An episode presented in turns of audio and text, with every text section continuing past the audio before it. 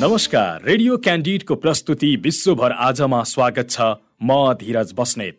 विश्वभर आज radio Candid ninety two point seven megahertz radio क्यान्डिडको आधिकारिक फेसबुक पेज र पोडकास्टमा समेत सुन्न सक्नुहुन्छ। विश्वभर आजमा हामी विश्वभर घटेका ताजा र विशेष घटना समेटिएका समाचार सामग्री प्रस्तुत गर्दै आएका छौँ। विश्वभर आज हरेक दिन बेलुका आठ बजेको क्यान्डिड फटाफटपछि प्रसारण हुँदै आएको छ। विश्वभर आज भएका प्रमुख घटनाहरू जुन तपाईँले जान्न खोजिरहनु भएको छ वा जान्नै पर्ने केही विशेष छ। भारतमा कोरोना भाइरसबाट झण्डै सोह्र हजार नयाँ सङ्क्रमित थपिएका छन्। पछिल्लो चौबिस घण्टामा पन्ध्र हजार आठ सय पन्ध्र सङ्क्रमित भएको सरकारी अधिकारीहरूले जानकारी गराएका छन्। मन्त्रालयका अधिकारीहरूले पछिल्लो चौबिस घण्टामा कोरोना भाइरसबाट सङ्क्रमण मुक्त भएकाहरूको सङ्ख्या भने बिस हजार अठार रहेको जानकारी दिएका छन्। एउटै समयमा नयाँ सङ्क्रमित भन्दा सङ्क्रमण मुक्त भएकाहरूको सङ्ख्या धेरै रहेकाले सक्रिय सङ्क्रमितको सङ्ख्या घट्दै गएको छ। सङ्घीय स्वास्थ्य मन्त्रालयले भारतमा अहिले पनि एक लाख उन्नाइस हजार दुई सय चौसठीजना सङ्क्रमित अवस्थामै रहेको जनाएको छ। त्यसै गरी कोरोना भाइरसका कारण अहिलेसम्म कुल मृतकको सङ्ख्या पाँच लाख छब्बिस हजार नौ सय छयानब्बे पुगेको मन्त्रालयको भनाइ छ। पछिल्लो एक दिनमा तिन लाख बैसठी हजार आठ सय दुईजनाको कोरोना परीक्षण गरिएको मन्त्रालयका अधिकारीहरूले बताएका छन्। भारतीय राष्ट्रिय कंग्रेसकी अन्तरिम अध्यक्ष सोनिया गान्धी कोरोना भाइरसबाट फेरि संक्रमित भएकी छिन्। गान्धी कोरोना भाइरसबाट अहिले दोस्रो पटक संक्रमित भएकी हुन्। आज उनको संक्रमण पुष्टि भएको अधिकारीहरूले जनाएका छन्। गान्धीमा कुनै ठूलो स्वास्थ्य समस्या भन्ने देखिएको छैन। यसअघि गत जुन दुईमा पनि उनी कोरोना संक्रमित भएकी थिइन् नेत्री गान्धी अहिले कोरोना भाइरस नियन्त्रण सम्बन्धी नियमअनुसार घरमा छुट्टै बस्दै गरेको काङ्ग्रेस नेता जयराम रमेशले जानकारी दिएका छन्। उनमा परिवार भित्रैबाट बाट संक्रमण सरेको अनुमान गरिएको छ। उनकी छोरी तथा पार्टीकी महासचिव प्रियङ्का गान्धी भद्रालाई संक्रमण भएको गत बुधबार पुष्टि गरिएको थियो। सोनियाका छोरा तथा पार्टीका पूर्व अध्यक्ष राहुल गान्धी पनि बिरामी भएका छन्। उनी सहभागी हुने तय गरिएका कतिपय कार्यक्रम पनि स्थगित गरिएका छन्।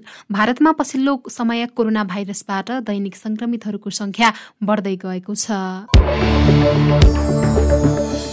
एसिया प्रशान्त क्षेत्रमा चीनको बढ्दो सैन्य गतिविधिलाई लिएर संयुक्त राज्य अमेरिका र उसका सहयोगी देशहरू चिन्तित भएका बेला चीन र थाइल्यान्डले संयुक्त सैन्य अभ्यास गर्ने भएका छन्। संयुक्त अभ्यासका लागि चीनले आफ्ना लडाकु विमान थाइल्यान्ड पठाउने भएको छ। चिनिया वायुसेनाले आइतबार लडाकु र बम वर्षक विमान पठाउने सूचना सार्वजनिक गरेको छ। संयुक्त सैनिक अभ्यासमा हवाई सहयोग स्थलगत लक्ष्यमा आक्रमण तथा सेनाको तैनाथी समावेश हुने चिनिया रक्षा मन्त्रालयले जनाएको छ। अमेरिका र चीन बीच बढ्दो रणनीतिक र आर्थिक प्रतिस्पर्धाले विश्वका विशाल अर्थतन्त्रहरू बीचको तनावले यस्ता सैन्य अभ्यासले द्वन्द्वलाई मत्थर गर्न बल नमिल्ने विश्लेषकहरूले बताउने गरेका छन्।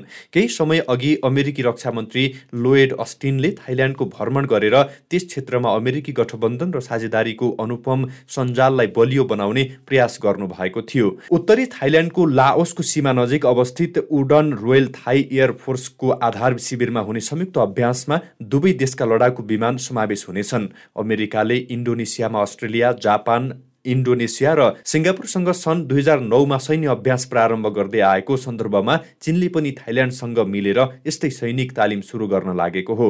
एक देश दुई शासन पद्धति अनुसार शासन व्यवस्था सञ्चालन भएको स्वशासित चिनिया टापु ताइवानमा अमेरिकी सभामुख न्यान्सी पेलुसीको भ्रमणपछि चिनले ताइवानको वरपरको जलक्षेत्र र आकाशमा युद्धपोत र क्षेप्यास्त्र सहित सैन्य अभ्यास गरेको थियो। तालिबान सत्ताको विरोधमा अफगानिस्तानको राजधानी काबुलमा अफगान महिलाहरूले विशाल प्रदर्शन गरेका छन्। महिला प्रदर्शनकारीलाई तितर बितर पार्न तालिबान लडाकुहरूले आज हवाई फायर गरेका छन्। रोटी काम र स्वतन्त्रता भन्दै महिलाहरू काबुलको शिक्षा मन्त्रालयको भवन अगाडि प्रदर्शनमा उत्रिएका थिए। महिलालाई तालिबान लडाकुले कुटपिट समेत गरेका थिए। तालिबानले सत्तापटल गरेको वार्षिकीको पूर्व सन्ध्यामा महिलाले प्रदर्शन गरेका हुन्। तालिबानले पन्ध्र अगस्तमा अफगान सत्ता कब्जा गरेका थिए। त्यसयता उनीहरूले महिलाहरूका अधिकार कटौती गरेका छन्।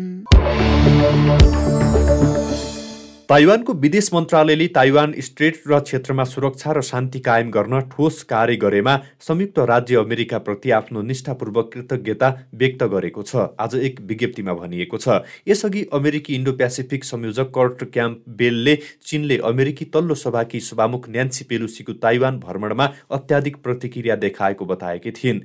पेलुसीले एसिया भ्रमणका क्रममा गत साता ताइवानको भ्रमण गरेकी थिइन्। पेलुसीको ताइवान भ्रमणको चीनले निन्दा गरेको थियो। भ्रमणको विरोधमा ताइवान स्ट्रेटमा सैन्य अभ्यास भएको थियो। उत्तर कोरियाले अनिवार्य मास्कको प्रावधान हटाएको छ। कोभिड उन्नाइस संक्रमणका घटना कमी भएपछि सरकारले मास्क अनिवार्य प्रावधान हटाएको हो। देशमा सृजना भएको जनस्वास्थ्य संकट पूर्णतया निष्क्रिय भएको प्योङयाङको आधिकारिक समाचार संस्था कोरिया सेन्ट्रल न्युज एजेन्सीले जनाएको छ। सम्पूर्ण क्षेत्रलाई सबैभन्दा छोटो अवधिमा घातक भाइरसबाट मुक्त गरिएपछि भाइरस प्रतिबन्ध सहज बनाइएको पनि उक्त संस्थाले जनाएको छ। उत्तर कोरियामा कोभिडबाट मृत्यु हुने मानिसको यकिन तथ्याङ्क सार्वजनिक सार्वजनिक गरिएको छैन। यसअघि उत्तर कोरियाली नेता किम जोङ उनले प्योङयाङले कोभिडमाथि विजय हासिल गरेको घोषणा गरेका थिए। नेता किम स्वयं कोभिडबाट संक्रमित भएको पनि बताइएको छ। यसै साता प्योङयाङले दक्षिण कोरियाले सीमावर्ती क्षेत्रमा जानी जानी संक्रमण पठाइदिएको आरोप लगाएको थियो। उसले आवश्यक भएमा दक्षिण कोरियाली अधिकारीहरूलाई निर्मूल पार्ने चेतावनी पनि दिएको थियो। मेक्सिको सिटी मेक्सिको सीमावर्ती सहर जुआरेजमा भयवान हिंसामा कम्तीमा आठ जनाको मृत्यु भएको छ। अमेरिकासँग सीमा जोडिएको उक्त सहरमा भएका छुट्टा छुट्टै हिंसामा स्थानीय रेडियो प्रस्तोता सहित कम्तीमा आठ जनाको मृत्यु भएको हो। पहिलो घटनामा कैदमा भएको एउटा दङ्गामा दुईजना कैदीको मृत्यु हुनुका साथै चारजना घाइते भएका छन्। सिनालुवा कार्टेटलाई दङ्गाको कारक सिनालेया कार्टेल रहेको स्थानीय सञ्चार माध्यमले जनाएका छन्।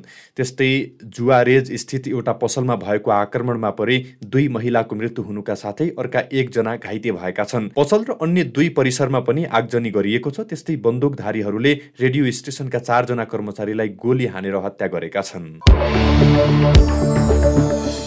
चर्चित उपन्यासकार सलमान रुस्तीमाथि चक्कु हमला गर्ने आक्रमणकारीको पहिचान खुलेको छ। प्रहरीका अनुसार न्यू जर्सीका चौबिस हाडी मटरले रुस्दीलाई चक्कु प्रहार गरेका थिए।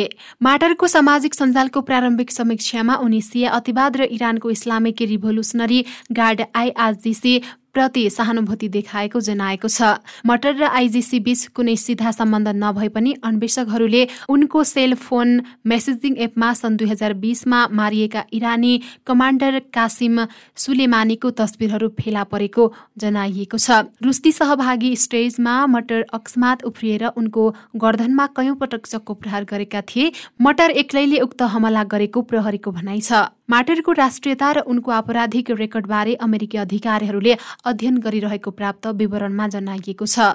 शुक्रबार न्युयोर्क राज्यमा एउटा साहित्यिक कार्यक्रममा चक्को हमलापछि गम्भीर घाइते भएका चर्चित उपन्यासकार सलमान रुस्तीको आँखाको शल्यक्रिया भइरहेको छ। उनले एउटा आँखा गुमाउन सक्ने अनुमान गरिएको छ।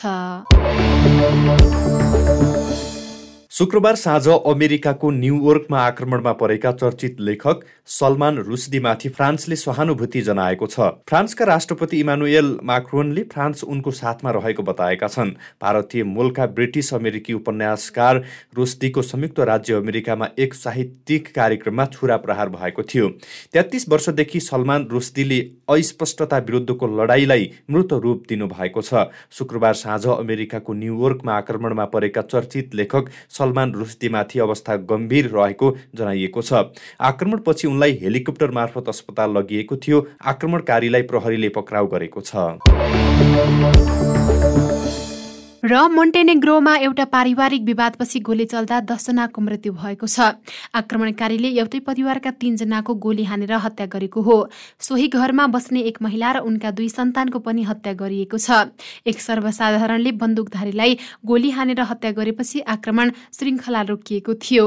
आक्रमणमा केही मानिस घाइते भएका छन्। घाइतेहरूको स्थानीय अस्पतालमा उपचार भइरहेको छ। प्रहरीले घटनाबारे थप अनुसन्धान सुरु गरेको छ। विश्व गतिविधि रेडियो क्यान्डिडको दैनिक प्रस्तुति हो। तपाईँले रेडियो क्यान्डिडको वेबसाइट आधिकारिक फेसबुक पेज र पोडकास्टमा सुन्न सक्नुहुनेछ।